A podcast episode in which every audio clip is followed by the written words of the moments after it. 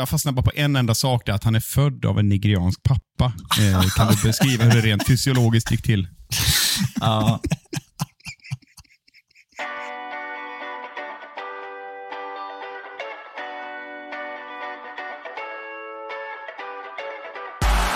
Manchester United score? They always score. Rooney! Oh, wonderful! It's Berbatov! Brilliant! Marcus Rashford! Oh, glorious! That is a special one! It's Beckham!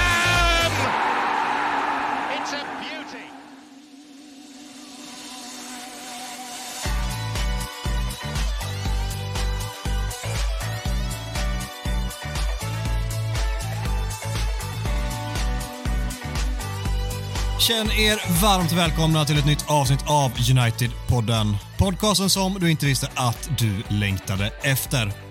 United-podden görs i ett stolt samarbete med både den officiella skandinaviska supportklubben MUS och United-redaktionen på Svenska fans. United-podden är tillbaka i fullt blås och Micke Martinsson är lika pigg och spänstig som alltid. Hur träffsäker var den analysen, Micke? Ja, men den är som alla dina analyser. Den är habil, men inte mer. För det är, det är inte så spänstigt här borta. En eh, orolig natt. Eh, känner mig redan orolig inför veckan som kommer här. Så jag är inte så spänstig, men eh, tredje koppen kaffe gör ju att rösten åtminstone är hyfsat eh, tillbaka. Rösten är där den ska. Det är viktigt. Om eh, klockan snart är 09.00 här i Svea rike, vad visar uret där poddens egen Globetrotter befinner sig för stunden? ja, då är det performance clock här borta. Då är vi ändå, klockan är åtta här, då har man varit uppe ett par timmar. Så det, det gäller att vara igång. Ni ser trötta ut. Jag fattar inte att det är jag som är, det är tidigare här borta. Jag ser alltid att ni ser så trötta ut alltså. Vad är det med det? Ja, men ta oss igenom din morgonrutin nu Gustav, när du är så jävla kaxig där borta. Hur gör man? Ja, ja nej, men det har varit uppe, det har tränats lite, det har stretchats lite och duschats, det har mediterats, satt lite målsättningar för dagen, eh, ätit en, eh, en frukost, lite overnight oats. Eh, bra att få in lite bra både kolhydrater och fibrer här på morgonen. Eh, suttit och läst lite faktiskt. Jag tänkte vi kanske skulle, skulle börja med det. Jag, jag var ju på kons konsert här för några veckor sedan, Erik Cantona, och han gav ju ett sånt här sånghäfte med sina texter, så jag brukar sitta och meditera lite över hans eh, texter på morgonen. Vill ni att jag hoppar rakt in i det eller ska vi hålla det till senare in i avsnittet? Alltså jag vill jättegärna ha det nu så jag kommer igång här. Ge Ja. oss en fix nu för fan. Vi behöver komma igång. ge det? det var ändå 26 stycken olika texter här, så jag tänkte vi börjar med hans, hans alster så ska ni få tolka lite här. Det är hans alster Of the Sun, heter den. Då låter det så här. Eh, let me be wrong, I won't take their lies. Let me be strong and feel the vibes. Ja, där rysningar drar igång. Eh, the world is over, but my heart beats. I'm a dreamer, I won't die on my seat. Of the sun, I'm the sun, I'm a lover. Of the sun, I'm the sun, I'm a lover. I won't kiss the poison that they offer me. Here I have a mission, I won't die on my knees. The world's over, but my heart beats. I'm a lover, I'm a dreamer on their feet. Va? Wow. Det här är hans egen, egenskrivna texter, det kan man inte tro. Men otroligt jävla text alltså han har jobbat på här. Alltså. Så det här, de här sitter jag och läser lite varje morgon. Vissa är på franska, jag kan inte franska, så det är väldigt svårt att hänga med. Men eh, hans engelska poesi här är ju fantastisk. Ja, det känns han både jätte eh, okompatibel och väldigt kompatibel till att göra det sådana grejer. Ja, det är han faktiskt. Det är otroligt också att han, eh, det kommer ut nu att han är tidningen The Sun. Det, det var helt nytt. Ja, finns det Breaking news. Ja, men det gör den faktiskt. Ja, så är det. Nej, så det här, nu märker jag att ni är alldeles för trötta på morgonen för att ta in sån djup poesi faktiskt. Så det är tråkigt att den kulturella bredden inte finns här bland mina, bland mina kollegor. Alltså Adam är ju den som är mest kulturell här om, om du ska ha någon sparringpartner.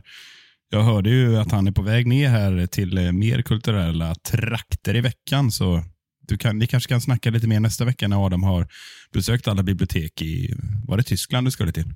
Ja, vi, vi kan snacka när jag har varit i, i Hamburg och rekat läget här över helgen så får vi se om, eh, om jag kan mäta mig med dig mycket, eller Gustav? Ja, alltid att du ska vara ute och resa och fara du Adam. Mm. Ja, jag alltid hålla på att svänga runt. Nu är det Tyskland nästa gång. Ja, alltid är du ute och far. Kul ändå. Vad ska du göra i Långväga. Tyskland? då? Men det är lite sport den här gången, är det inte så? Det kanske är för lite sport. Jag har två polare som ska ner och kolla på fotboll i Hamburg mot Braunschweig i Zweite Bundesliga. Eh, Inför, Fan, vad kan det vara, närmare 60 000 på Folkparkstadion. Ändå rätt nice, tänker jag. Hoppas i alla fall.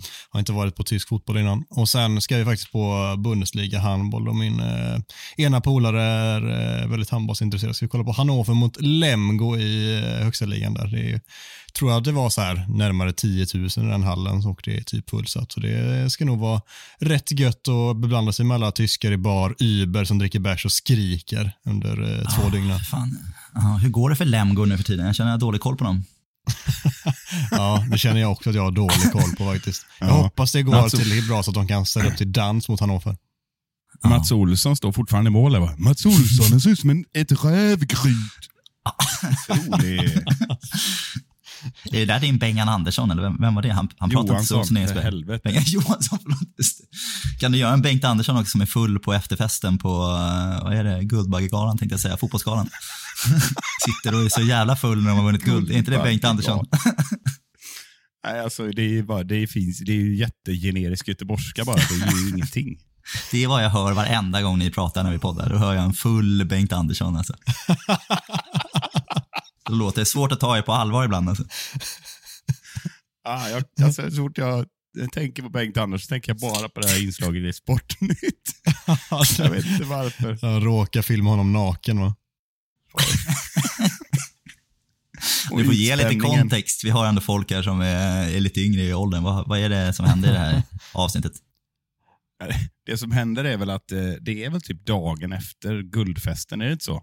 Ja, 2007. Om man vill stämma av känslan i Blåvitt-lägret efter att pytten har imundigats. Och Bengt Andersson sitter då självklart i en badtunna som eh, helt och hållet saknar badskum. och han har ju såklart inte shorts på sig, utan är ju naturligtvis naken. och det är någonting där nere i djupet som strävar upp mot ytan, som linsen fångar upp på ett förtjänstfullt sätt. Och Bengan ler och säger något, något i stil med “Fan vad gött!” Och sen eh, är intervjun över. Och eh, vi alla lämnas kvar där i ett trauma. Mystiken kring Loch Ness-odjuret där som, som dyker runt där. Ja, det, är- det är tv-historia. Ja, det, det är det på alla sätt och vis. Det är tv-historia. Adam, jag tycker inte att du tar ditt eh, vänskapliga ansvar här när, när Micke slänger ut att han är orolig. Jag tycker vi måste, måste dyka lite i det. Vad är det du är så himla orolig över, Micke? Nej, Förutom att, eh, att eh, jag tänker så här, ska sömnen vara så här eh, i den här åldern och blir det bara värre? Så är jag faktiskt orolig inför, inför Uniteds match på söndag här som vi kommer prata jättemycket om sen. Men eh, jag är rädd för Everton nu för de är, de är jättearga. Jättearga, men vi är ju Premier Leagues formstarkaste lag, Micke. Vad är det att vara orolig för? Ja, just därför är jag orolig. för det känns så orimligt. Känner du att den enda vägen är neråt nu från oss, nu när vi presterar så här bra och allt går så bra? Det kan bara bli sämre nu, känner du? Någon annan får säga något, fan det blir för mörkt annars. Jag är nya Mackan här tydligen. Ja, sluta nu. På med ditt påklistrade leende igen så kör vi. Ja, men eh, jag tar, det är ingen som tar ansvar här. Ja, vad har ni gjort då? Har ni gjort något kul? Det är landslagsuppehåll och så har vi inte behövt eh, liksom grotta in oss i all, allt United-skit här. Så vad, vad, har ni hittat på något kul då? När det inte är så mycket fotboll. Tyst från Adam. Jag, jag kan fylla i, jag har varit på en, en, en, ännu en gala, för det, det är jag stark. Jag representerar alltid starkt på galor, så det blev en ytterligare en gala i helgen här. Så den eh, kan ha påverkat min sömn till det sämre. Ja, vad är det för gala då? Nej, det är... Guldbaggegalan? Ish, det, är- det är, jag springer på alla, det, jag blandar ihop dem, men det, det var någon jävla gala bara. du springer på alla. gala bara. Det här måste vi ju ta på, att du är en sån, du är en sån vimmelmänniska. Vimmel-Micke, är det så? Mm, finns där ute på obskyra såna här eh, vimmelbilder.se. Bara gå in där, googla. Stureplan. stjärnan. Ja. ja, fint ändå då. Mr Fröberg då? Du, har, du sitter mellan, mellan två jobb i ett eh, stort karriärshopp som kommer här snart. Vad hittar man på då, då på dagarna? Ja, jag är lite, lite småledig just nu för stunden eh, i väntan på nya tider och eh, då gör man precis så som man tänker att man ska göra. Man eh, försöker ta tag i träningen igen. Har gått faktiskt ganska bra. Sen försöker man sätta lite rutiner på andra saker, typ som att sova bättre. Det går mindre bra ska nog säga att jag somnar senare och vaknar senare och är ännu tröttare. Så den biten kanske jag får eh, omvärdera här inom kort och försöka ta tag i ordentligt. Men uh, utöver det så, alltså, nej, det händer inte mycket annat än ett vanligt uh, jävla sketliv i övrigt. Vad har du, Du för bara favorit, existerar. favorit, vad har du för bara favoritövningar när du tränar Adam? Vad är det för favoritövningar som du gillar att hänföra dig till? Är du en burpee-kille eller är det lite mer stå liksom, ry- rycka biceps eh, i spegeln liksom? Nej, nej det, jag ska säga jag har varit lite på gymmet men jag föredrar ju egentligen de här mer funktionella träningarna. Ut och springa, vet, där, där är jag ju stark, riktigt stark. Och trots att jag inte har varit ute och sprungit på fem år så är grundkonditionen liksom i nivå med Premier League-spelarna. Så jag eh, sticker ut och, och lubbar bara och sen så landar jag gärna hemma där jag kör 2000 armhävningar, 2000 taps tills jag inte orkar mer och sen så tar jag en dusch och så är jag nöjd med dagen och så tänker jag att nu kan jag ligga på soffan precis hela dagen tills eh, någon polare har slutat jobbet och vi kan hitta på något skoj. Ja, så sant. När du säger funktionell träning tänker jag annars att det skulle kunna vara en sån här eh, typ Blossom Tatums eh, pilates VHS som du trycker i där hemma och så sätter på dina spandex och så står du och studsar där hemma. Lite funktionellt. Så inte sådana frön. Jävlar vad spänd jag blev på att testa detta nu. Ja. Step up-brädan släpas fram. Liksom. Pilatesbollar. Fan vad gött. Ja. Ja, vi får testa det. Ja. ja, det får du göra. Det får du göra. Micke då, du är ganska träningsfri. Vart, vart ligger du i din viktpendlarresa just nu? Men Måste, måste det tas upp den avstämningen varje gång? Det måste alltid det. det. Jag tycker att det är en bra nulägesrapport på vart du befinner dig mentalt. Nej, uselt. Jag sa ju det, allt är mörkt och jag är rädd och orolig. Ja, då blir det ingen träning eller? Jo då, det finns. Men nu fan, det här, det här är tråkigt. Nu kör vi. Micke märker att Gustav har tagit på sig den här programledarrollen nu när han bara smäller över frågor på oss. Är det så att han försöker skifta fokus från sig av någon anledning eller eh, ska vi ana ugglor i mossen här?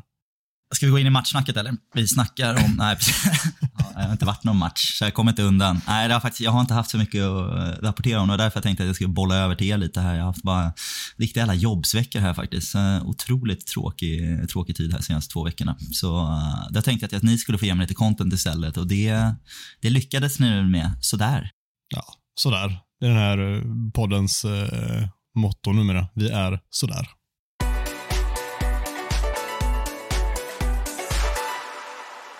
Succésegmentet Talk of the Town är tillbaka med tre stycken påståenden med aktuella ämnen som vi helt enkelt diskuterar huruvida det är sant eller inte.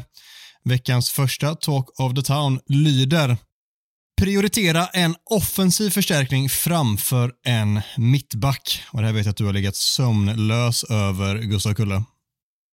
Ja, nej, jag ligger inte sömnlös som vår Micke Martinsson här, men det, men det här har man väl grubblat lite på. Jag vet att det har varit mycket, mycket snack om det här till många som tycker att det framförallt är eh, vi, vi måste förstärka. Jag, jag tycker absolut att eh, vi har en tillräckligt stark backuppsättning för att det ska kunna funka när vi inte har våra fyra mest ordinarie backar borta. Eh, och Det tycker jag vi har visat tidigare säsonger också. Sen så har vi ju tidigare diskuterat Varans vara eller icke vara. Eh, men med en Varann som kan ställa upp 25-30 matcher så tycker jag att vi har en, en tillräckligt god backuppsättning för att prioritera andra hål eh, i den här truppen och då är det absolut offensivt som gäller. Eh, för mig så är det ju det är ju liksom, det är ju farsartat vad som har hänt på vår högerkant eh, senaste åren, så det är ingen snack om att vi behöver ju ha någon spelare där med tillit på. Om det är någon av våra unga spelare som, som kan ta den platsen eller inte, det får vi se. Men jag tycker framförallt att vi behöver ett till alternativ som nummer nio.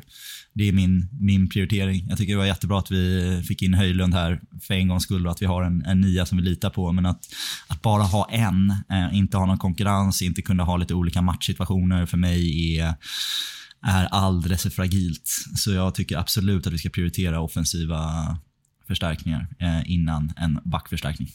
Vart ställer du dig, Micke? Jag ställer mig ungefär precis tvärtom.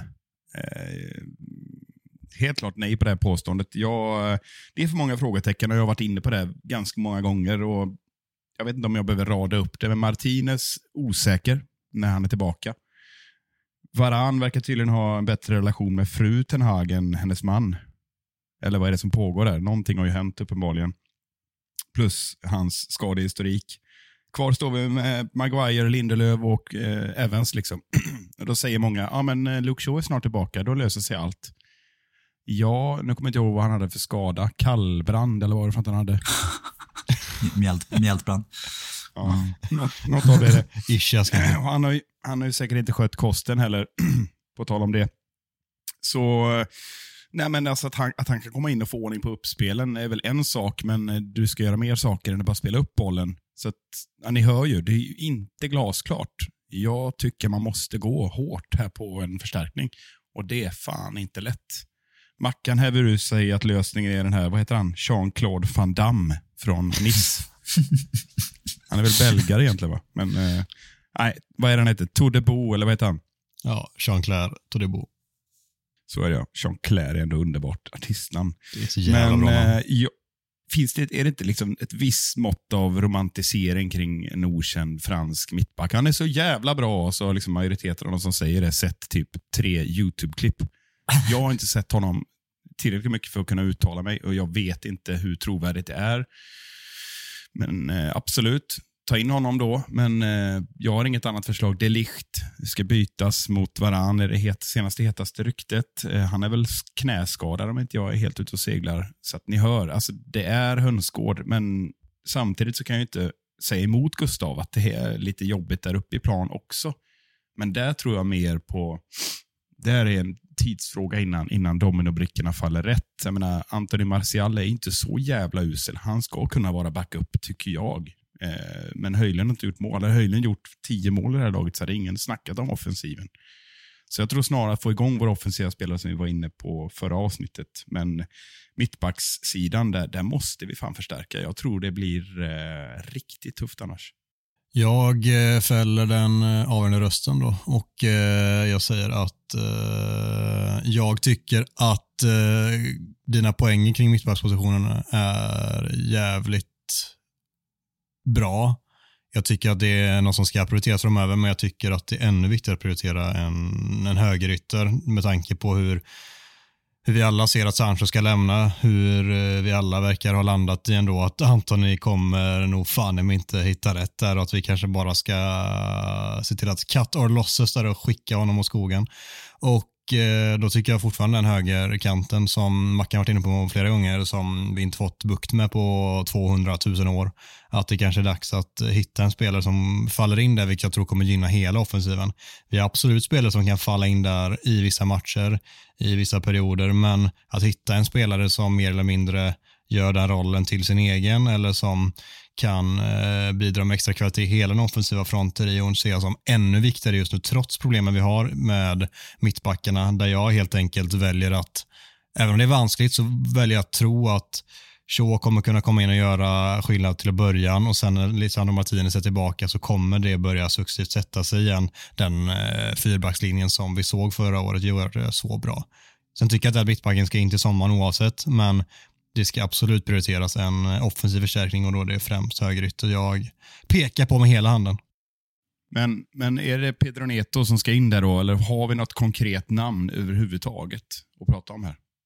Jag har inte sett så mycket mer som har ryktats. Tidigare var det Pedro Neto och Rafinha ska tydligen lämna Barcelona till exempel. Alltså det, jag tror att det kommer dyka upp lite namn där och offensiva spelare brukar mer vara benägna att flytta på sig snabbt och det finns lite fler av dem än mittbackar där de allra bästa i princip alltid är knutna till till ett lag och är ännu svårare att flytta i till exempel ett januarifönster. Då blir det ju en, lite av en chansning då som en Todibo som absolut har varit i stora klubbar som, som Barcelona tidigare utan att färga ordentligt när han var yngre och liksom mer ofärdig. Har blommat ut nu i franska ligan och varit briljant men vi vet ju inte heller vilken anpassningsperiod det är. Alltså det, en liksom kontenta för mig där blir att mittbackar är mycket svårare att hitta här och nu och att det blir mer av chansningar. Då tycker jag det är bättre att göra en renodlad analys även liksom fram till sommaren med nya sportsliga ledningen som får pinpointa den mittbacken så att det verkligen blir rätt där.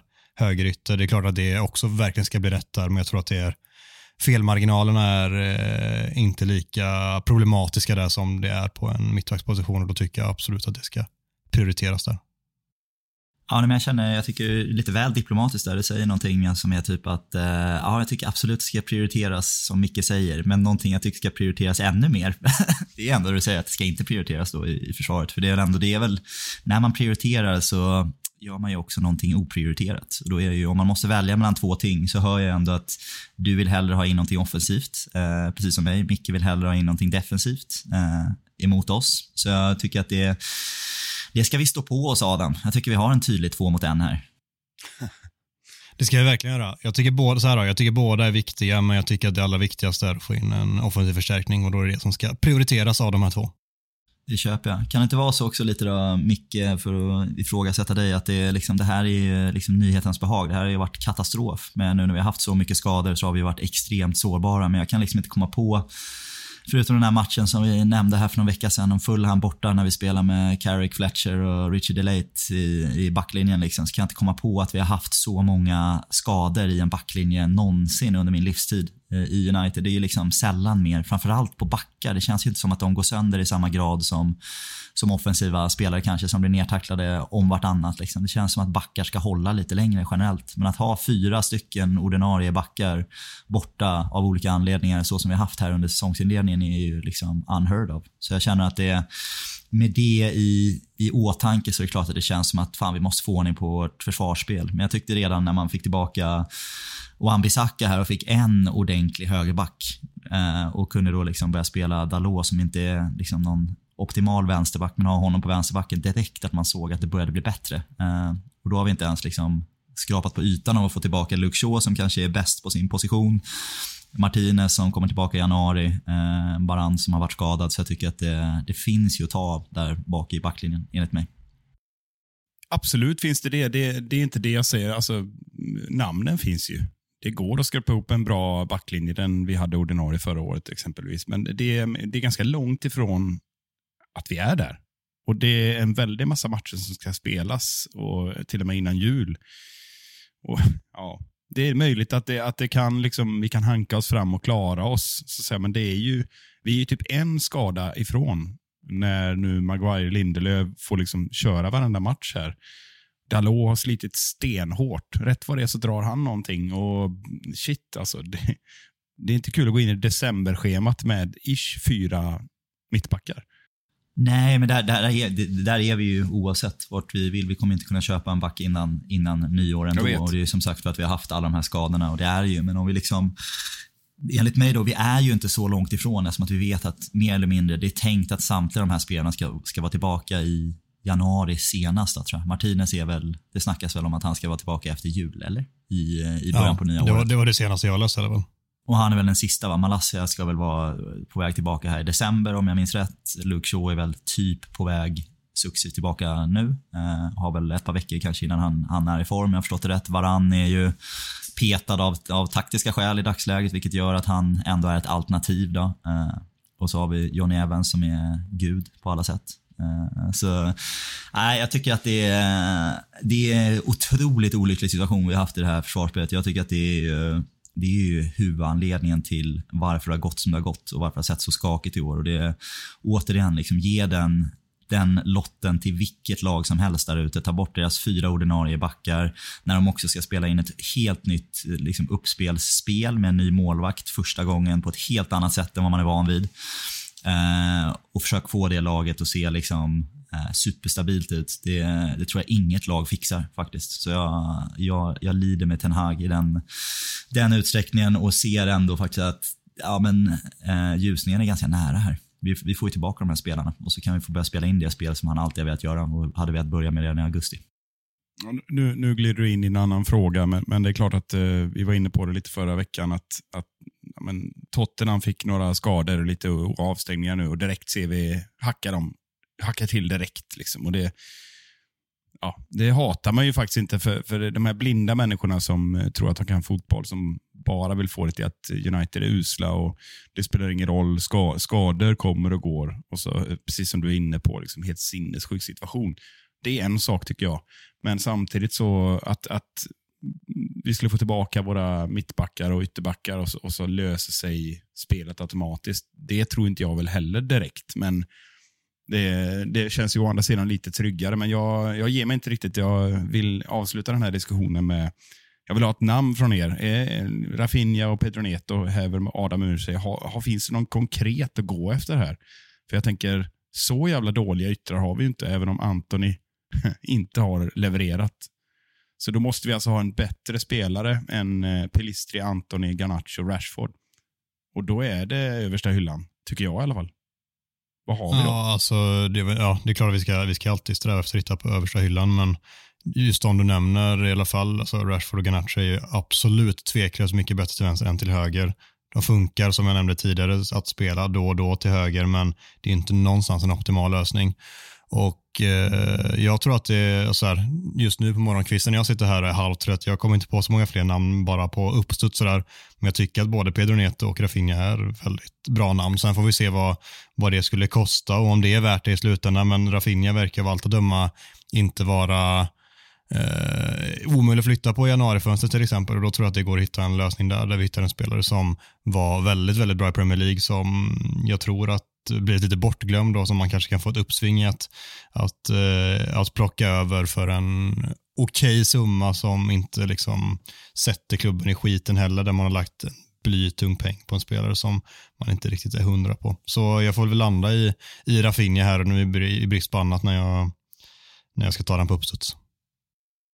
Nej, men jag tar det namnet. Jag håller med om det. Jag tycker Pedro Neto, samma, samma som dig, också en spelare som jag är intresserad av. Annars tycker jag Mikael Olise från Crystal Palace, vet att det har ryktats om under perioder också. Nigerianen tycker jag är, är superintressant. Och egentligen så jag, jag tycker bara att jag vill bara ha in en spelare som, det har jag alltid sagt när det gäller en tränare som Erik Ten Hag tror på, som passar hans spel, som inte är någon spelare han har ärvt, utan någonting som han själv har valt. Anthony. Eh, Anthony. Jag vill ha in en till Anthony. Låt oss bränna 100 miljoner pund till någonstans. Uh, nej, det är ju, den verkar ju bli hans, uh, det blir hans Fellaini. Liksom. Det blir hans David Moyes Fellaini. Liksom. Vi hoppas att det kanske kan vända. Innan uh, Österdal kommer in och rättar dig, så Olise är alltså fransman, bara så vi har det sagt. Är han det? ja. är det sant? Annars hade du fått den. Ja, ja, tack. tack Möjligt att han har de rötterna. Nu kan inte jag den koloniala strukturen. Men, eh, men han är fransman. Ja, okay. enligt, enligt säkra källor. Ja, men då tar vi det. Tack, tack du rädd, räddar mig. Jag har, bara en till, jag har bara en till strike på Micke Österdahl innan jag åker ur den här podden. Så det, det är tur att, tur, tur, att du räddar mig det. Då har jag inte ens gjort min motståndarkollen senare idag. Så det är... Uh, jag kommer undan. Svettigt. Med en ny sportslig ledning kommer vi att utmana om ligatiteln nästa säsong. Då får väl du börja på den här då, Micke. Ja, det känns ju tacksamt faktiskt. Eh, det korta svaret är naturligtvis nej. Eh, med alla dessa namn som har eh, hjälpt mig nu. Eh, Mitchell och vad heter alla som har, vi ska ta in här nu? Som, som löser allting. Paolo Maldini senaste nu, men Paul Mitchell ja. är också där. Ja. Ja, nej, men Paul Mitchell är väl han som har ryktats allra främst vad gäller eh, sportslig eh, direktör, sportchef eller vad 17 hans nu titel ska bli. Då säger jag som Macka brukar säga, det spelar ingen roll vad för tjomme vi tar in, det kan inte bli sämre än vad det är nu. Och det är klart att, ja, John Murtaugh har väl inte dominerat som, vad är han är, sporting director eller vad, vad han nu kallas. Eh, Arnold eh, är ju inte någon sportslig ledning, utan han håller, håller väl i vd-klubban, eller höll i vd-klubban, nu ska han bort. Men eh, nej, alltså jag, jag ställer mig fortfarande lite tveksam till det här utifrån mitt perspektiv som inte är så extremt eh, grundat i de här frågorna, måste jag säga. Det, jag tror väldigt få sitter med en glasklar insyn, utan man läser medier och konstaterar och den, den som man följer eh, slaviskt eh, som kommenterar United i de här frågorna. Det partiet tar man och så håller man fast vid det. Utifrån premissen att eh, nuvarande sportslig ledning är katastrof och ägarna är dumma i huvudet. Jag är fortfarande lite tveksam. Jag vill se vad Ratcliffe gör här nu när, när affären nu väl är klar och de här 25 procenten ekar lite grann. Jag var inne på det här när vi pratade om det förra gången. Eh, Okej, okay, kontroll över sportslig ledning. Ja, men vad innebär det i praktiken? Eh, kan han overrulla, overrulla Ten Hag helt och hållet? Kan, eh, Vad, vad innebär det för medel nu i januari? Alltså det är så många frågetecken. Jag tror många har byggt upp ett stort hopp här inför vad som komma skall, att det ska lösa sig snabbt. Jag tror inte det. Jag vill tona ner förväntningarna egentligen. Det är min poäng här. För jag känner att jag personligen vet lite för lite vad exakt det här kommer innebära. Eh, och Jag tror att man som United-supporter, ett råd från mig då som jag känner mig lite orolig, att man ska nog kanske tona ner förväntningarna några nivåer innan vi har sett vad det här, inte ägarskiftet, men vad förändringen i ägarstrukturen innebär. Där står jag idag. Därför säger jag nej på det här påståendet. Mm. Ja, det, var- det får jag ta på mig. Det var så. Jag borde såklart bara kört den här lilla, lilla, lilla snabba genomgången eh, innan jag bollar över den till dig Micke, men vi bara nämner det snabbt att det som kommer att hända av allt att döma, Richard Arnold lämnar ju, det vet vi, och att eh, den, eh, eh, alltså Patrick Stewart kommer in som eh, som interimlösning där och att den som pekas ut av de flesta medierna just nu som den permanenta ersättaren i vd-rollen är Jean-Claude Blanc, alltså en tidigare Eh, han har tidigare varit i både Juventus och PSG i högt eh, uppsatta roller och ska vara högt eh, aktad enligt folk som säger att de kan saker. Och sen är det en sportchef som ska in där och ersätta John Murtog där det ryktas om bland annat då Paul Mitchell alla främst som har gjort ett eh, eh, imponerande jobb i bland annat Southampton och eh, även i Tottenham, bitvis även i Monaco där han har eh, imponerat stort tidigare. Nej, men här är Micke, Micke ganska spot on faktiskt. Så jag tycker att det, han tar många av mina poänger i form av att eh, jag, jag tycker att eh, nyckeln till ett, eh, ett lyckligt liv är lågt ställda förväntningar. Så jag, jag har sett att det, det kan gå fort. Eh, med ett par nyckelvärvningar och ett par bra beslut så har man sett med liksom hur man kan gå från Eh, Frank Lampards Chelsea till Thomas Tuchels Chelsea och vinna Champions League åtta månader senare. Eh, och med samma spelare mer eller mindre ser ut som att man har en av världens bästa lag, eller en av världens bästa trupper, eller i alla fall konkurreras om det. Så det, jag vet ju att det är möjligt, sånt händer, eh, men jag vill vara lite mer pragmatisk och realistisk. Och för mig själv så har jag satt någon typ av mental klocka att det här handlar liksom om en en tre till fem års resa som vi måste gå på innan vi ska vara permanent där jag tycker att vi ska vara. Det, det har varit så mycket felbeslut i truppbyggen och i sportslig ledning under så många års tid nu att vi kommer inte kunna radera ut det på, på 12 månader. Eh, men det är en bra början om vi börjar ta rätt beslut. Och Jag tycker att Ten Hag är rätt beslut. Många av spelar eh, nyförvärven vi har gjort senaste året, eh, ex Anthony, eh, är rätt beslut.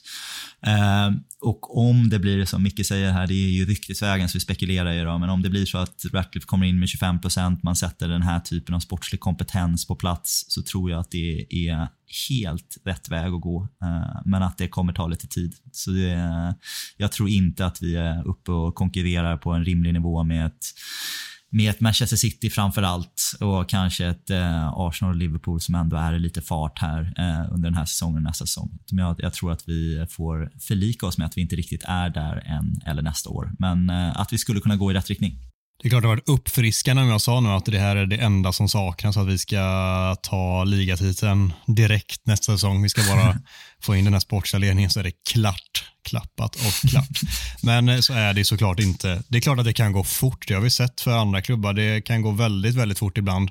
Och eh, är det någon klubb som kanske har grundförutsättningar för att det ska kunna gå fort så är det väl United också.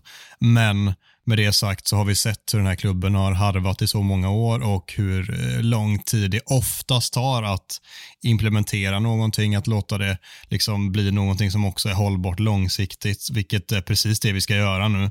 Och eh, då är jag helt inne på ditt spår Gustav, att då, då ser jag det som ett tre till femårsprojekt detta som ska vara som allra bäst i, om, om just den perioden, om 35 år. Däremellan så ska liksom växla upp ordentligt och vara den här stormakten igen som eh, slåss om precis alla titlar. Och det, förutsättningar finns där, men vi måste, måste verkligen låta det få ta lite tid också, för det har varit ett satans haveri som de här ska få ta över nu och det är ingen tacksam uppgift att bara få det på rullning på en axelryckning.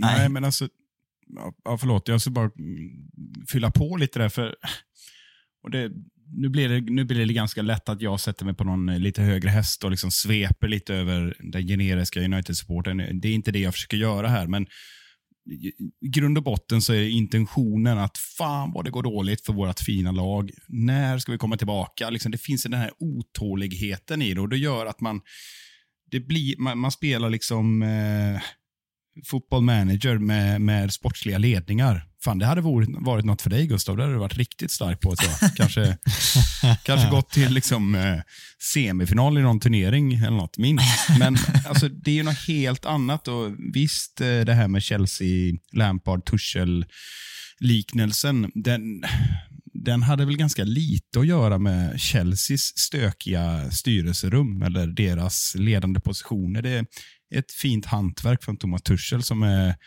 som jag gillar rätt mycket måste jag säga. Alltså, den intervjun för övrigt, kort parentes, när han eh, kör över eh, Didi Hamann och eh, Lothar Matthäus eh, är helt legendarisk. Eh, se den för övrigt. Om ni, han, är, han är lite lätt ironisk, där Jan Andersson framstår som eh, ironilös. Eh, men eh, det är jättekul. Men det jag vill komma in på är liksom att, jag tror som Gustav var inne på, klockren analys. Här är du jag är helt överens. Alltså att, att bygga om ett företag, det gör man inte med ett trollspö lite snabbt och fram med lite färskt kapital och trycker in. Det är en jävla massa bitar som måste på plats i... Eh, där eh, håller jag med Ralf Rangnick. Det är, vad var det han säger, open heart surgery. Liksom, det är det och det är inte bara det på planen. och med de sjuka omständigheter Erik Ten Hag har försökt operera sitt lag. Så det, det, här lagret som man bara tycker att det byter ut några personer så löser sig allting. Det, det är enormt komplicerat. Även om det finns mycket muskler som du är inne på Adam. Så att, jag säger det igen, man måste förstå det att, att förändra någonting från grunden tar tid. Med det sagt så står jag gärna här med dumstrut om United eh, skulle liksom chocka och vinna en FA-cup eller eh, slå sig fram och börja hota framåt våren. Alltså, allting kan ju hända, liksom, men jag, jag bara säger det en gång till. Ta det lite lugnt och så får vi nog tänka oss och ta det lite lugnt igen i typ en, två säsonger.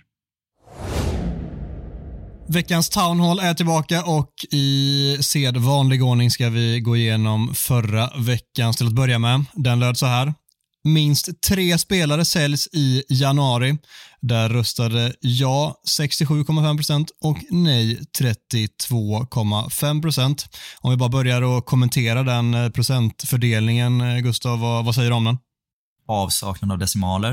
Eh, men utö utöver det så tycker jag att det är, det är väl kanske ganska väntat. Det är väl, jag följde er diskussion här förra veckan och kan väl hålla med om att det man gärna ser att tre spelare minst säljs. Men sen så har vi väl lärt oss att United som säljande klubb är väl typ, det är väl världshistoriens absolut sämst, sämsta säljande klubb, tror jag, för, för att få betalt för sina spelare. Det är, liksom, det är ju helt cursed. Så jag tänker att vi ska få, att vi ska liksom skeppa Sancho till Saudiarabien för 75 miljoner pund eh, känns ju liksom osannolikt. Troligtvis kommer vi sitta på någon sån här liksom att han lånas ut till Juventus, vi betalar 60 procent av hans lön och de har en, du vet, så här, ingen option eller någonting. Det känns som att det kommer bli mer sådana lösningar. Men jag ser ju väldigt gärna att det, att det blir eh, tre eller över och det verkar ju massan hålla med om. Så eh, du skulle säga att vi har övertro på den nya sportsliga ledningen som vi pratade om för bara två minuter sedan? ja, jag tror det. Den som inte ens har bekräftats eller kommit in när vi är i slutet på november ska alltså sälja spelare med, med klass här i januari. Så lite övertro kanske. Ni hör ju, vattentätt. Micke, du har plockat ut två stycken eh, kommentarer av en hel drös som vi fick in den här veckan. Vad, vad har du landat i för några rackare? Ja, men först otroligt eh, tryck eh, i våra fina Town Hall-trådar nu för tiden. Eh, känns riktigt kul. Mycket att ta tag i, men eh, Pontus Cantona 7, som vi för övrigt har hyllat eh, både för hans eh, kommentarer men också för hans användarnamn på X. Han skriver följande. Citat. Ingenting kommer hända i januari. Med 10% chans att Sancho lämnar på lån. Inga nyförvärv kommer in inom citat för osäkert kring ägarstrukturen, vilket gör att det kommer avvaktas till sommaren. Ten Hag ryker däremot under våren om vi inte klarar att kvalificera oss för Champions League. Det var ord och inga visor där. Nej, det, placerar vi i Mackan-facket i form av pessimism och det har jag inget emot heller om jag ska vara helt ärlig. Frågan är vilket fack du placerar FPL Controllers eh, fina genomgång här av eh, lite spelare och eventuella klubbadresser. Vi tar dem i eh, ja, onumrerad ordning helt enkelt. Komplett lista. Reguljon, han går tillbaka till Spurs, spår FBL Controller. Martial är klar för LA Galaxy. Ja, ganska on-brand ändå. Eh, Greenwood till Shanghai.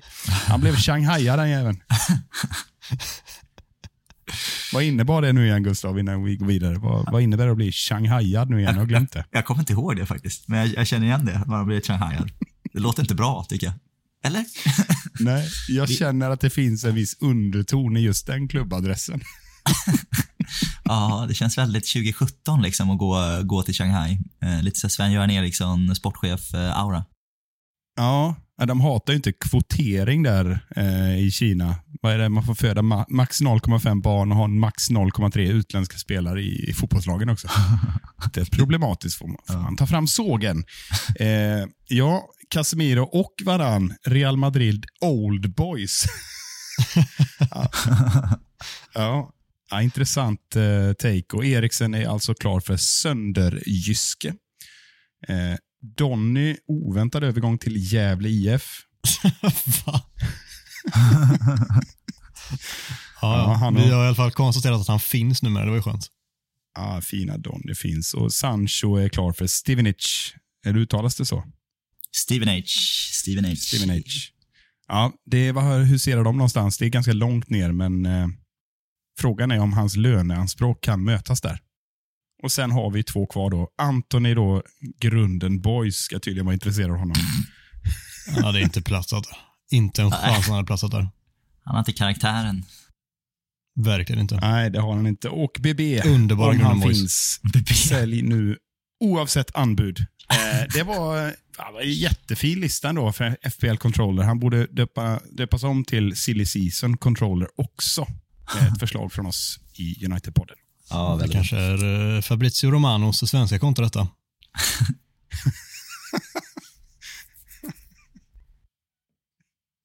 Ja, tack för genomgången både FPL Controller och Micke Martinsson. Veckans townhall lyder så här. Bruno Fernandes får alldeles för mycket skit. Han är topp tre i världen på sin position. Micke, hade du en eh, take på den här möjligen? Alltså jag skulle säga här, eh, ja, eh, han får alldeles för mycket skit. Och eh, om vi ska titta på eh, och zooma in här med stetoskopet, eller på säga, det kan man inte zooma med. Eh, vad fan heter det man zoomar med? Förstoringsglaset eller vad är det? Teleskopet. Ja. Ja. Televinkeln. Nej, vad är det du vill? Ja. Ja. Stetoskopet med kollar man hjärtrytm och sånt va? Ja, så är det kanske. Eh, det blev aldrig någon läkare av mig. Eller läkare. Ja. Din Skitsamma. tvillingsyster däremot. Nej, hon Fram- är faktiskt inte läkare. Var det inte det? Hon är inte lä- läkare, läkaraura. men eh, hon har en stark läkaraura. Det får man ge henne. Eh, nej, men alltså jag skulle säga att eh, topp tre på positionen, då menar jag en klassisk tia som eh, flera eh, fotbollstyckare har för övrigt eh, tyckt till om att det eventuellt är på väg att försvinna. Jag tror det var var det inte gamla Arsenal-mittfältaren som eh, var ute i någon intervju och eh, vad fan heter han då? Jag tappar alla namn här nu. Eh, Fabregas, som tyckte att eh, det är sorgligt att nummer 10 är på väg att försvinna ur fotbollen och att man citat istället vill ha hårt arbetande, ja ni vet, pressande spelare. Mm. Med det sagt, Bruno tycker jag är topp tre i världen på, eh, i topp 10, eller i eh, nummer 10-positionen. Det, det är Kevin De Bruyne som är där uppe och sen får vi nog gräva fram andra namn. Eh, jag hittar inget direkt här som ska gå in och ta eh, och konkurrera på den platsen. Så eh, jag, jag säger istället för att spekulera vidare att han är där uppe, topp tre. Och eh, alla siffror, allting eh, talar för det. Det är ett eh, disharmoniskt lag han spelar i. Han får spela på högerkanten. Han är gestikulerande och arg, heter det. Och Han är ful och hemsk och eh, gör dumma saker, tycker eh, motståndarfansen. Men likt förbannat så är han där uppe.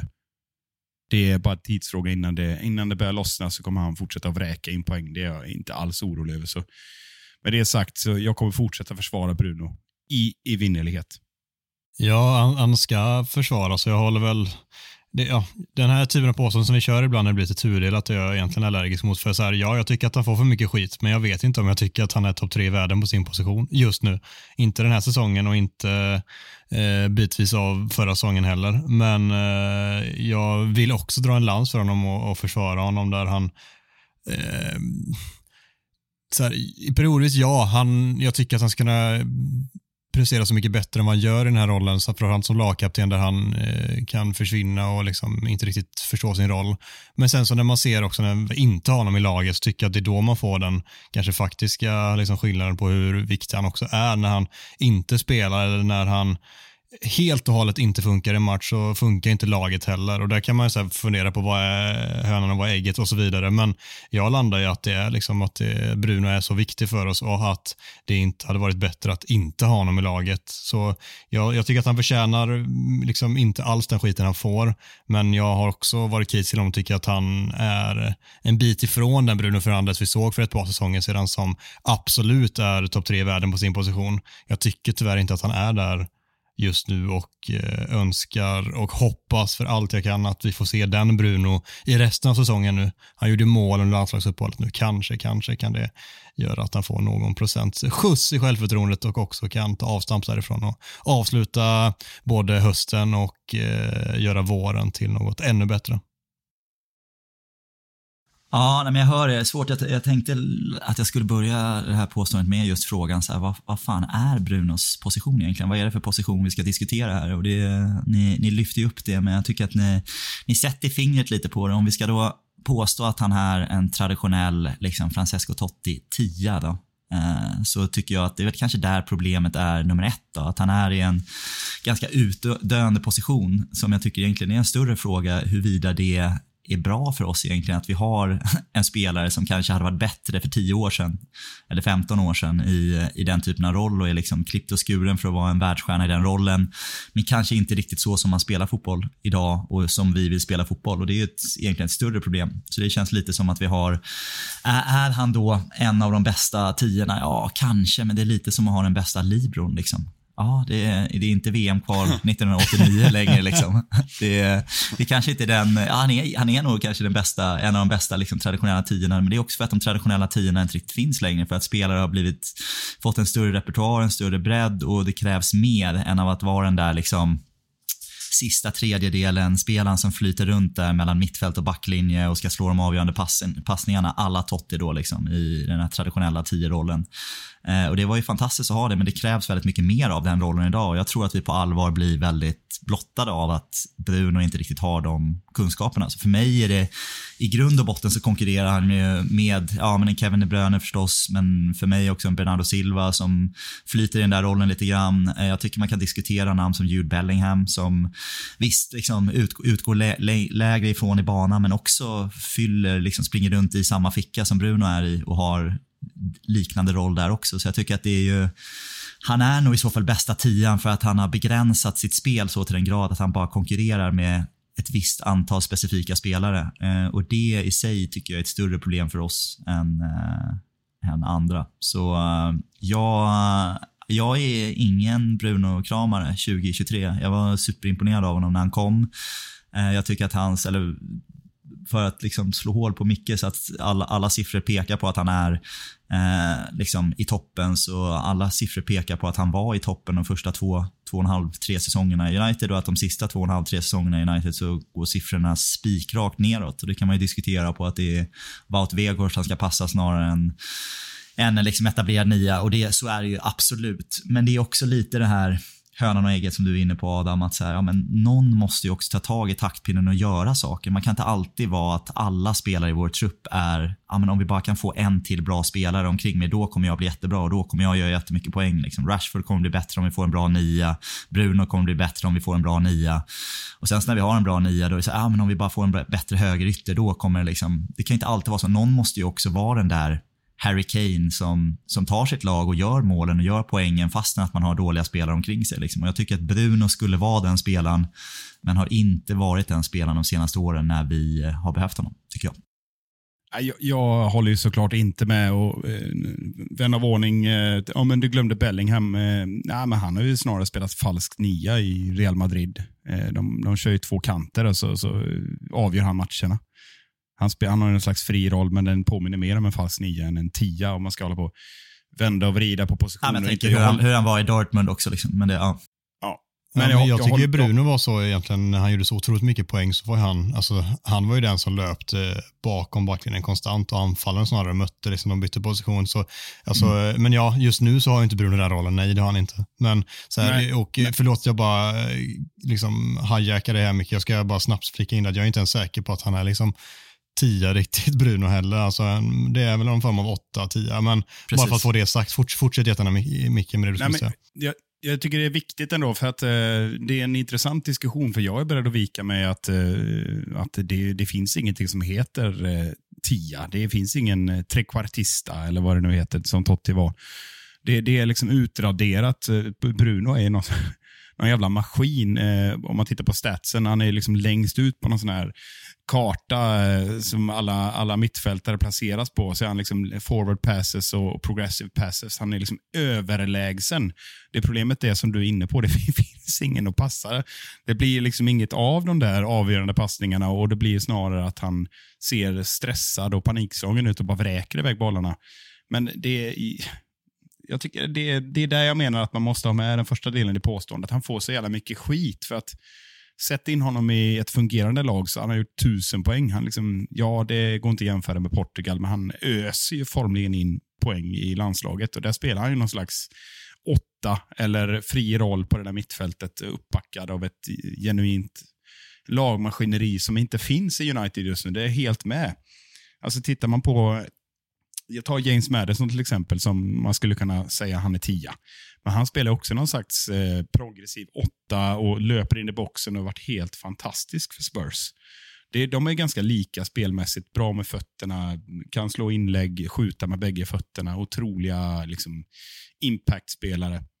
Så att jag, jag är beredd att backa från eh, att positionen vi pratar om är nummer tio, men offensiv mittfältare, då, om, vi, om vi breddar begreppet, så tycker jag han är där uppe. Och Han har absolut inte varit lika bra i år, men det är inte så att han är på dekis och ska säljas till Saudi eller vi ska lyssna på bud som en del tycker och att Bruno är problemet. Alltså jag, jag förstår inte alls det. det är, han är ju vår klart bästa spelare sen han kom till klubben. Det finns ingen snack, tycker jag. Ja, nej, jag tycker verkligen att det finns snack om det. Alltså. Jag, håller, jag håller, håller inte med. Och det är i grund och botten så gillar jag honom och tycker att han var Eh, en av de bästa utvecklingarna man har haft på en januarivärvning sen typ Nemanja Vidic när han kom in. Otro, otroligt vad han gjorde till det Solskärs lag, lagbygge direkt. Liksom. Eh, var jättebra, men jag tycker inte att han är lika bra längre. Och jag vet, jag håller med om, man har sett statistiken, jag har sett grafen också med progressive passes och forward passes. Och jag, jag vet att han står högt där, men jag är också så här, någonstans måste jag gå på min, min magkänsla. När jag ser våra matcher, liksom, gång efter gång efter gång, så känner jag att han, han har inte den dominansen. Han dominerar inte matcherna på det sättet som jag vill att en, en världsspelare ska göra, eller som våra världsmittfältare eller våra Paul Scholesar har gjort genom åren eh, i, i den rollen. Och Jag tycker ofta att han är att han inte är den som tar, tar taktpinnen eller tar ansvaret i de här stora matcherna när vi verkligen behöver det. Och sen så ibland så blixtrar det till och så är det 25 magiska minuter då och då och så, och så blir det bättre. Men det är ju, jag tycker att han är alldeles för ojämn för att vara eh, snack om att han skulle vara en av de absolut bästa i världen i den, i den rollen. Jag tror också att om man liksom Messi paketerar honom in bland tio spelare som gör allting precis för honom för att liksom un underlätta för hans sätt att spela på så skulle han kunna göra jättebra. Men det är liksom, de flesta spelare har inte den, det privilegiet. De flesta spelare måste liksom agera utefter, ja nu har vi sådana här spelare och nu spelar vi på det här sättet och då får jag sjunka lite eller få gå upp lite högre i banan och göra det bra. Och där tycker jag inte att hans anpassning senaste året har varit eh, särskilt bra. Jag, vill, jag, jag köper ditt resonemang. Jag vill ändå påpeka att det finns en rad faktorer som har gjort att det ser ut så. Inte bara, det faller inte bara på Bruno. Men, eh, och där håller jag med. Han är inte tillräckligt bra. Och det är inte Lionel Messi. För att eh, kunna eh, kompensera för att ingenting annat fungerar. Det, det håller jag med om. Det, det, det är absolut inte så bra. Men vem fan är så bra att man kan bära ett dysfunktionellt Manchester United? Det vet jag fan hur många som skulle kunna göra det så mycket bättre på riktigt. Nej, men så är, det, så är det. Men jag tycker att det är, jag, vet inte, jag, jag tycker att det finns en det finns en potentiell utmaning i att han inte riktigt liksom klickar in i exakt den roll som vi vill, vill ha eller så som vi vill spela fotboll. Och Det är inte för att jag inte tror att, eller tror och tycker att han är en jättestor talang och har jättehög kapacitet som spelare. Men det är, det är, för mig är det lite ett frågetecken på om vi verkligen ska fortsätta att bygga vårt anfallsspel kring Bruno Fernandes närmsta tre åren. Och jag tror också att det kan vara någonting som en ny sportslig ledning kan, kan ha som en nyckelfråga i, i sina värvningar här framöver. Om, eh, Kommande tre till fem åren. Ja, nej, men jag, jag, skulle kunna se att man äh, säljer honom 75 miljoner pund till Saudi. Jag tror att han inte vill gå till Saudi, men jag skulle kunna se, se att man gör det för att frigöra den rollen till någonting annat som passar lite bättre i hur vi vill spela. Och då, då får du upp med Bellingham då. Det är väl det. Och De Bruyne, det är de två du får köpa. Ja, det kommer alltid nya sådana där. Det är alltid någon ny. Something new. The new Bellingham.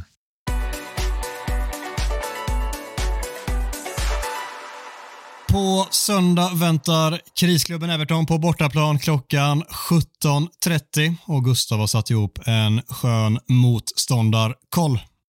Ja, skönt att vara tillbaka ändå. Goodison Park ska vi åka till nu. Eh, det är förstås blivande Sir Sean Dykes mannar det handlar om. Demontränaren, jag älskar Sean Dyke. Eh, så är det, det kommer jag aldrig sticka under stolen med. Eh, Everton som dessutom här slog hål på den här gamla klyschan att nu är det landslagsuppehåll så kan vi i alla fall inte förlora. Eh, har lyckats utan att spela matcher här förlorat 11 poäng. eh, kämpigt landslagsuppehåll för, för Everton ändå får man säga. Det, jag tänker att vi kanske, jag ska köra igenom min här, men vi kanske kommer få dyka lite i just den, den frågan för det känns väl lite, lite aktuellt kanske. va? Eh, det är lite otur för dem, för det är så de kom faktiskt från tre, tre vinster på fyra matcher här innan dess. Uh, uh, nu när de ska möta det formstarkaste laget i ligan. Uh, vad är er känsla här? Har, ni, har vi lätt eller svårt mot Everton? Hur brukar det, brukar det gå när vi möter Everton? Ganska lätt. svårt va? Lätt eller svårt säger ni. Om vi sätter svaret rätt mitt emellan där så får ni tillsammans ett korrekt svar. Det är, det är liksom, ah, det är lite oavgjort, det är lite förlust, det är lite vinst. Så det är, det är ganska jämnt fördelat här senaste åren. Eh, men jag tänker att vi ska i vanlig ordning kanske hoppa, hoppa tillbaka lite längre i tiden först då och titta lite inledningsvis. För det är så, faktiskt så att Everton var ett riktigt jävla boogie-team för gamla Manchester United eller Newton Heat. Eh, inte en seger på de första sex matcherna mellan 1892 och 1907. Som ni kommer ihåg. Så det var kämpigt, men sen så kom den en ljummen aprildag eh, i 1907 eh, inför 10 000 hemmafans. Demolerade vi och läxade upp Everton efter noter och vann med 3-0. Målskyttar då Sandy Turnbull, James Bannister och Billy Meredith.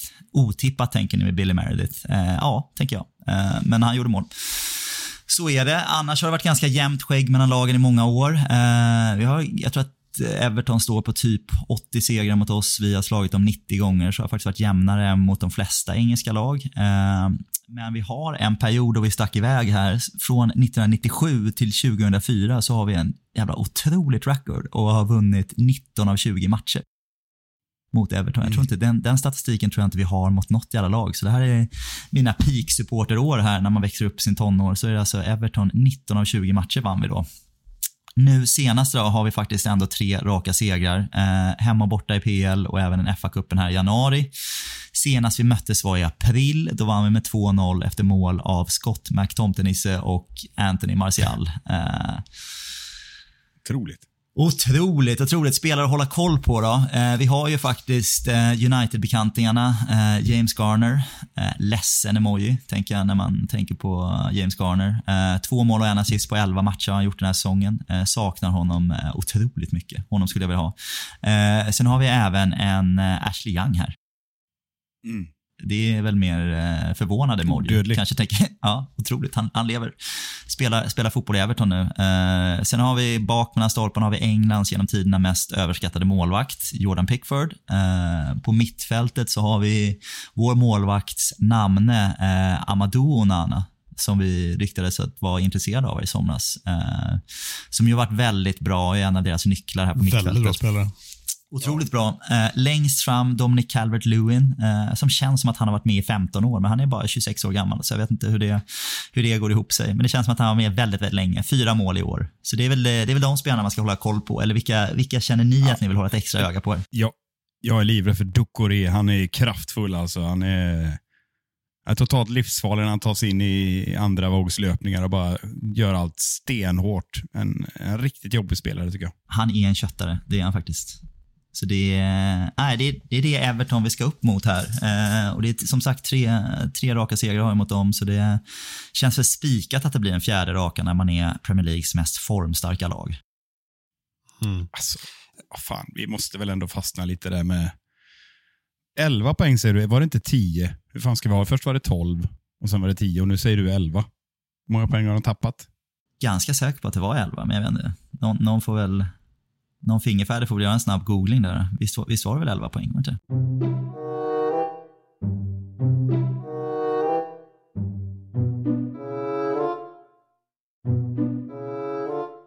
Nej, men såklart hade jag rätt. Det är ju naturligtvis 10 poäng och inget annat, Gustav. Du får kolla upp det. Eh, Dina Excel-charts har fullständigt tappat allt. Tur att jag inte jobbar med siffror. Um, Ja, det är underbart. Men eh, nej, men alltså vi måste ju ändå stanna där och det är ju i stort sett omöjligt. Eh, jag är inte så bra på matte, men jag kan ändå konstatera att Everton bryter mot en regel. Manchester City bryter mot 115. Eh, Om det är den här logiken som Premier League ska fortsätta med så är det alltså 10 gånger 115. Eh, Det är 1150 poäng. Var, I vilken liga hamnar man då? Isländska fjärdeligan kanske? där hör de hemma. Ja. Vad är det som Ja. pågår? På var, någon, riktigt, alltså, det var jag- någon som konstaterade att då hade de förstås då, om man tog bort alla de poängen så hade de väl förlorat samtliga sina ligatitlar och eh, om det var året innan de vann sin första ligatitel också hade de eh, ja, kommit långt ner i tabellen. Eller något så, så det, var, ja, det hade varit fantastiskt. Vi bara väntar på att den domen ska, ska slå igenom. Jag fattar inte, vad, vad är det som... Eller jag fattar väl, det är väl eh, ord står mot ord och det ska boxas nu med dyra advokater. Men det är ju konstigt att det tar sån tid och att det är så tandlöst, Premier Leagues regelverk. Att man går ut med, Är det med så stark då? trumma. Liksom. Eller så här, Ja, men hur lite oväntat är det kanske? liksom. Ja, nej men att det är så skört systemet att man bara kan kasta advokater på det och stoppa sådana här processer mer eller mindre att ingenting att ingenting händer. Alltså jag känner så här, det borde vara någon som, efter att man släpper en sån här, de här anklagelserna, så borde det väl jobbas dagligen på att lösa det här rätts, rättsfallet, liksom, tänker jag. Och jag vet inte hur, Mm, eh, hur de lyckas stoppa det. Hur länge sedan var det nu? Det var över ett år i alla fall. Är det två år sedan till och med som de... Första gången är väl länge sedan det var de hade strul med Champions Det var väl eh, inte Premier League då, utan det var väl... UEFA UEFA, Financial eller? Fair Play, de bannade från Champions League två säsonger. var det tänkt. Och det löser de. Jag tänker de här Premier League-grejerna, det är väl över ett år sedan nu i alla fall som de blev anklagade för det här. Ja. Om inte ännu Det måste det vara. Det är spekulationer om inte Adam sitter på, på någon, något stoff här, så tänker jag liksom att när, när, när gräver de fram det? När påstods eh, Everton bryta mot det här? Var det var ju för, slutet på förra säsongen, så det är ganska färskt med andra ord, eller? Mm. Så att jag Ja, ja. tänker, vad, vad fan är det som på, alltså på riktigt och nu, det är väldigt mycket gissningar och sådär nu, absolut, men jag tänker, om det här är vägledande prejudikat, om man skulle kalla det så, för jag, jag minns inte när det var ett poängavdrag i, har det varit ett poängavdrag i Premier League tidigare? Så- det så- os, osar Serie A. Det är så, de Ja, äl- älskar att ge poängavdrag i Serie A. Det går inte att gå in i en Serie A-tabell utan att se att sådär att Juventus ah, blev väl bara både av och fick massa poäng fram och tillbaka förra säsongen, var det inte så?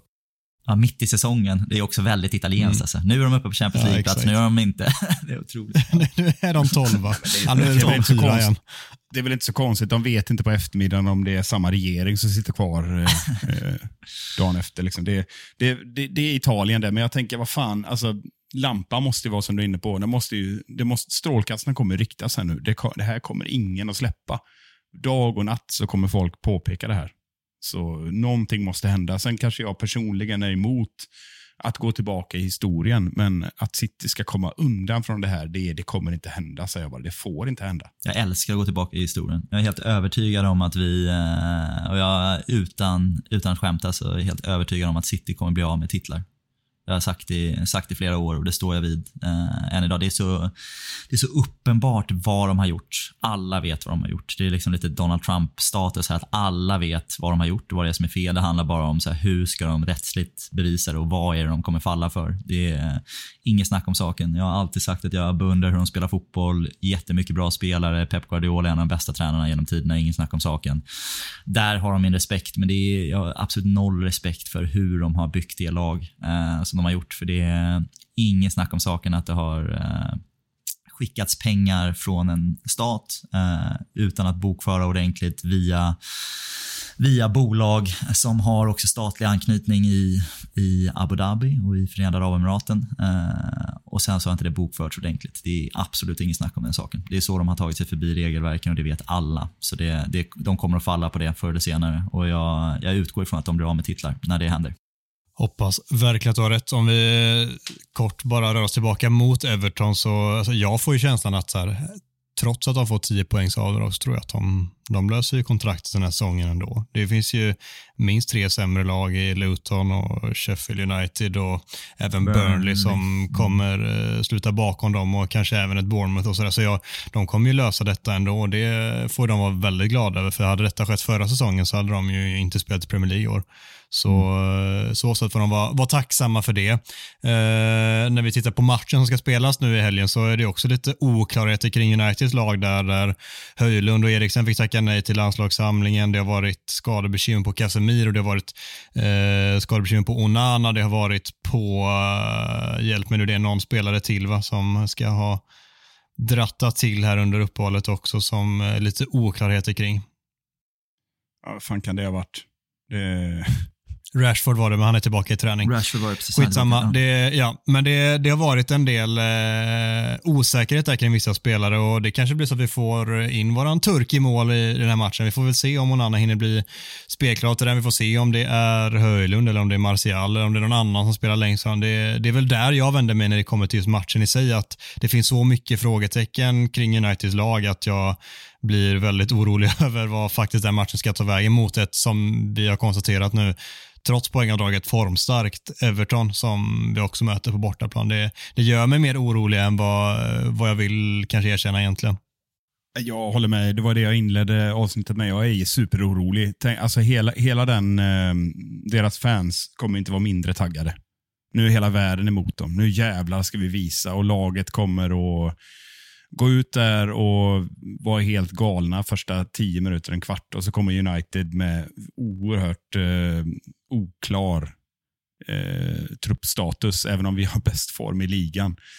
Så är vi inte långt därefter. psyket. Ja, alltså jag, jag är så jävla orolig, måste jag säga. Så, så jag, jag, jag har onda aningar eh, vad det här kommer att leda till.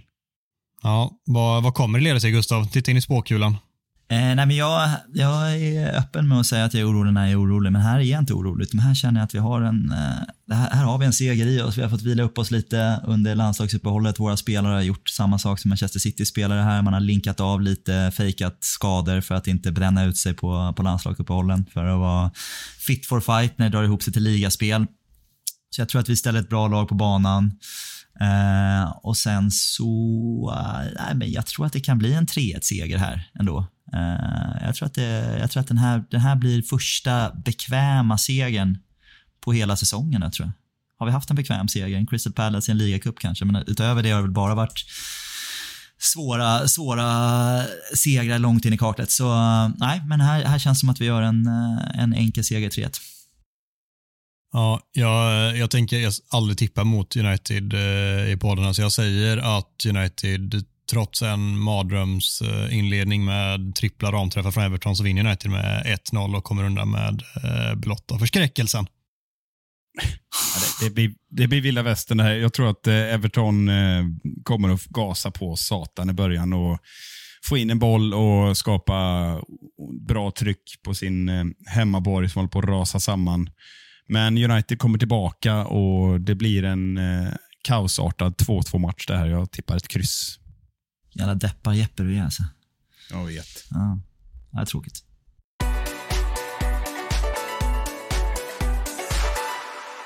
Vi ska givetvis avsluta med några lyssnarfrågor. Vi har fått in en jäkla massa här också, vilket vi såklart är grymt tacksamma för. Återigen, vi kommer inte hinna köra allihop eller ens i närheten av det, men vi lyfter upp ett par stycken i alla fall så att att eh, vi får ett par eh, schyssta sätt att avsluta den här podden på. Eh, vi börjar med Sadiad Asaris fråga. Varför är United så dåliga på att regelrätt ta bollen från en motståndare i dueller? Har tänkt på detta länge. Är det en synvilla eller kan någon hålla med? Vad säger du, Micke? Nej, men jag håller inte med, för siffrorna, åtminstone efter jag tror, första sju, åtta matcherna, var United överlägset eh, lag som, det lag som överlägset hade gjort eh, vad heter det, high interceptions, det vill säga brutit bollen, eh, men vi hade konverterat noll, typ. Så jag, jag håller inte med. Eh, det är möjligt att eh, jag vet, ah, det är möjligt att han kanske, Sadja, lägger in här att United inte har gjort så mycket mål och ställt till så mycket oreda av alla de här omställningarna. Men eh, ja, jag tycker, jag håller inte med. Vi, det är vi bra på, men vi är inte bra på att göra mål. Nej, vi fick inget in ett svar där från Mattias Krekula som tycker att det inte är någon synvilla när han jämför då specifikt pinpointat Marcus Rashford mot Gabriel Jesus där Rashford då i just den här eh, jämförelsen har en ground duel och eh, Gabriel Jesus har 14. Jag kanske är lite smått allergisk mot att jämföra på det sättet för det blir som att Eh, Eh, plocka russinen ur kakan, men det säger någonting om någonting i alla fall. Eh, vi har en fråga framförallt som riktar sig till dig här, Gustav, från J. Albin 5. Bra vinterparfymer, föredrar svar av Gustav Kulle. ja, eh, men det är, den bästa, bästa parfymen är oparfymerat alltså. Det ska vara, ska vara lite manligt muskigt. Så det, det är bara ta, ta en bra dusch. Sköt om din, eh, din hygien generellt. Eh, träna lite. Ät mycket eh, grönsaker. Eh, rök inte, drick inte för mycket. Får du en bra, bra naturlig doft som det är. Paketera det där från, kan du sälja det. utgår från att Albin inte gör det, låter som i din rekommendation. Det där var dina ord, inte mina. Uh... Det, jag tänker skicka med ett svar för här är jag kungen i djungeln. Jag säger att du ska köpa en Armani Stronger With You Intensely. Den är kung. Uh, Micke, annars ska du skicka med din Axe Africa eller tycker du att det... det finns bara en parfym som håller i alla årstider och det är Aqua di Gio Armani. Oj, oj, oj. Ja, den är bra. En, en Svårstoppad. Vi har en från eh, vår vän Henrik Ros, ormtjusarkorgen, numera vid namn. Han eh, vill påminna om klägg. Det är minst sagt dags för en tidig utvärdering. Spelarna är så sköra att de är i behov av emballage för att klara säsongen ut. En snabb kommentar på det, Gustav? Ja, det är jobbigt att inse att eh, jag tror att eh, Henrik är någonting på spåren här. Jag har ju dragit en lans för Michael Clegg hela, hela säsongen här, att ingen skugga ska falla över honom. Nu, men nu börjar jag nog känna att man kanske får utvärdera det. Men jag, jag vill ändå parkera den till, till våren här eh, och ge honom the benefit of a doubt för nu. Men jag, ja, men jag lägger en liten reservation med en liten asterix på Michael Clegg, att hans uh, fyra av fem betyg från förra säsongen är, är under hot. Kan vi inte koppla samman förra frågan här med Clegg? Kan det vara så att han har misskött sin kost och hygien och sådär?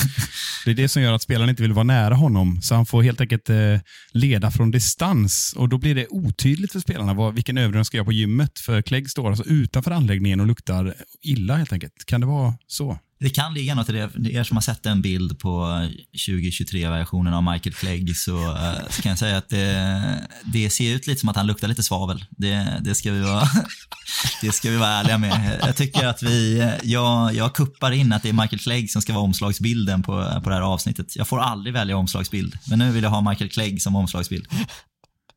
Ja, jag tror att förklaringen är att det är för lite pilatesbollar helt enkelt. Det, det har Gustav lärt mig. Det är så man ska träna. Skicka över Blossom Taintons VHS till Clegg. Lite inspo. Där har vi något. Där har vi ja. något. Eh, Henrik Roos hade faktiskt en till fråga här där han undrar om Shaws återkomst, om han ska vara mittback eller vänsterback som jag ser som sekundärt när han slänger in en eh, mycket bättre fråga därefter. Vad har han för favoritchips och varför är det av olja genomskinliga Lays lättsaltade?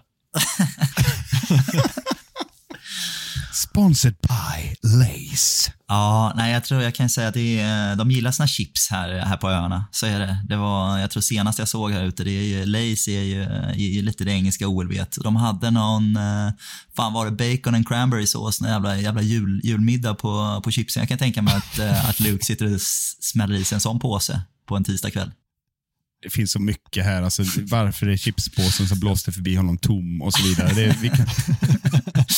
ja, det vet vi. Den var inte tom när den kom till Luke Shaw, den saken är klar. Alltså. Jag ser inte Shaw framför den. Han står här nu och ska strax tillbaka till träning. Det är, klockan är 03.40. Han är typ i någon mörk gränd eh, i dina kvarter där, Gustav. Och så står han där med tom blick och flottiga fingrar och så kommer påsen blåsandes förbi och så tänker han på Daniel James. Så måste det vara ändå. Ja, cinematiskt. Jag kan se det framför mig. Så måste det vara. Vi har en fråga från Viktor Sani också som spekulerat lite kring Nice här nu när eh, Ineos kommer in här. Om det kan bli någon form av eh, vänskapsklubb framöver och vad det kan få för eh, typ av band till United. Kan man det tittas på mer spelare dit? Kommer det lånas ut spelare till Nice och, och vice versa? Liksom, finns det någon, någon form av, eh, av lösning där tror vi framöver där vi ser eh, United och Nice bli någon form av vänskapsklubbar? Nej, men jag hoppar på det. Jag, jag, jag, tror inte det. Jag tror att de kommer se de här projekten så pass independent från varandra. Det har ju också varit, eh, det har inte varit en supersuccé i Nice, så jag tror också att de vill liksom eh, avassociera lite de två olika potentiella resorna och investeringarna som de gör. Eh, sen så parallellt med att det är ganska starka rykten om att det ska komma in nya regelverk här för att stoppa just de här franchisebyggandet och utlåningarna mellan, eh, mellan eh, klubbar Eh, på det strukturella sätt som har gjorts här via vissa klubbar eh, så tror jag att det är inte den vägen vi kommer gå. Så jag tror inte att vi kommer ha något större utbyte av Nice. Vi avslutar med en fråga från Bass Me som har också varit frekvent tidigare med frågor. Eh, där han först eh, lite svarar på det som vi har pratat om tidigare här, där han tycker att, eller snarare lyfter upp eh, att man skulle kunna behålla Regulon till säsongslutet och då köra Shaw som mittback och lägga Sancho-pengarna på ett offensivt köp här i januari. Men han undrar också hur det är eh, om vi nu säljer Sancho i januari, får in en en OK-slant, OK får vi använda de pengarna på grund av FFP då, eftersom att det har varit det som varit ett av, en av svårigheterna i, i somras. Här, om vi då får använda de pengarna i januari eller är det räkenskapsåret från honom är eh, sommaren? Har du koll på det Gustav? Ja, nej, men det är helt okej. De, eh, den skrivs av. Vi har en stor investering i honom för, eh, är det tre år sedan när vi köpte Sancho? Eller är det två? Kanske mm, två, det två blir, säsonger. Ja, till sommaren blir det tre va? Sommaren blir det tre, två och ett halvt va. Så eh, då får vi skriva av den, den investeringen till att börja. Så det börjar ju med att då eh, vi tar bort det från böckerna och det är ju nästan 100 miljoner pund av investerade pengar som har legat och dragit på vårt Financial Fair Play eh, balansräkning här. Så det är ju en bra början då. Och sen så ponera på att vi kanske får tillbaka hälften av det och sälja honom för 50 om vi ska vara lite optimistiska. Så eh, får vi även ta del av vissa av de pengarna. Så nettomässigt, om vi hade kunnat sälja en Jadon Sancho så hade det friat upp extremt mycket pengar omgående om vi hade, om vi hade lyckats sälja honom. Det känns väl som ett positivt sätt att avsluta den här podden på, Micke, va? Ja, men det känns så. För en gångs skull fick eh, Kulle ordning på matematiken där. Att, eh, det var jag, bra. Jag fick en fr fråga live här faktiskt, eh, som kom in via min telefon. Det var faktiskt Micke Österdahl här som skickade och sa, kan du reda ut här, vilket land kommer egentligen Mikael Olysée från? Eh, för det här känner jag inte riktigt igen. Tack Mikael för den frågan. Jag, jag, jag tar det med en gång här. Det visar sig så att Olysée, han är född i England av en nigeriansk pappa då, eh, och en fransk alger till mamma. Så han hade ju kunnat representera antingen Frankrike, Algeriet, England eller Nigeria. Eh, har ju också ryktats väldigt mycket om att han skulle spela just för Nigeria. Men sen så i dagsläget då så har han gjort sina U21-matcher för Frankrike. Men är fortfarande eligible för att bli utvald för Nigeria. Så jättebra fråga Micke Österdahl. Tack för att du tog in den så fick jag chans att ta upp den. Intressant att, att Österdahl har eh, en lina in här i vår eh, livesändning. Och Sen, jag fastnade bara på en enda sak, där, att han är född av en nigeriansk pappa. Eh, kan du beskriva hur det rent fysiologiskt gick till? Ja. Utan parfym och ja, med stark svag, svaveldoft. Ja, nej, det är sant. Ja, bra ändå. Det är tidigt i England här. Ja, men pappa det luktar alltid lite svavel när det sker. Ja, pappan var med på något hörn, tänker jag. Någon, någon typ av bidrag har han väl gjort, tänker jag. Får hoppas det. ja, det, det, får bli så. Det får bli så. Tack eh, Gustav, tack Micke för att ni har eh, kört på som ni brukar göra i United-podden. Tack snälla alla som har lyssnat. Vi älskar er. Det här avsnittet gjordes i ett stolt samarbete med United-redaktionen på Svenska fans och den officiella skandinaviska supportklubben MUS. Vill du resa till Manchester, bli då medlem i supportklubben på mus.se och få tillgång till deras 500 säsongskort på Old Trafford. Ta hand om er.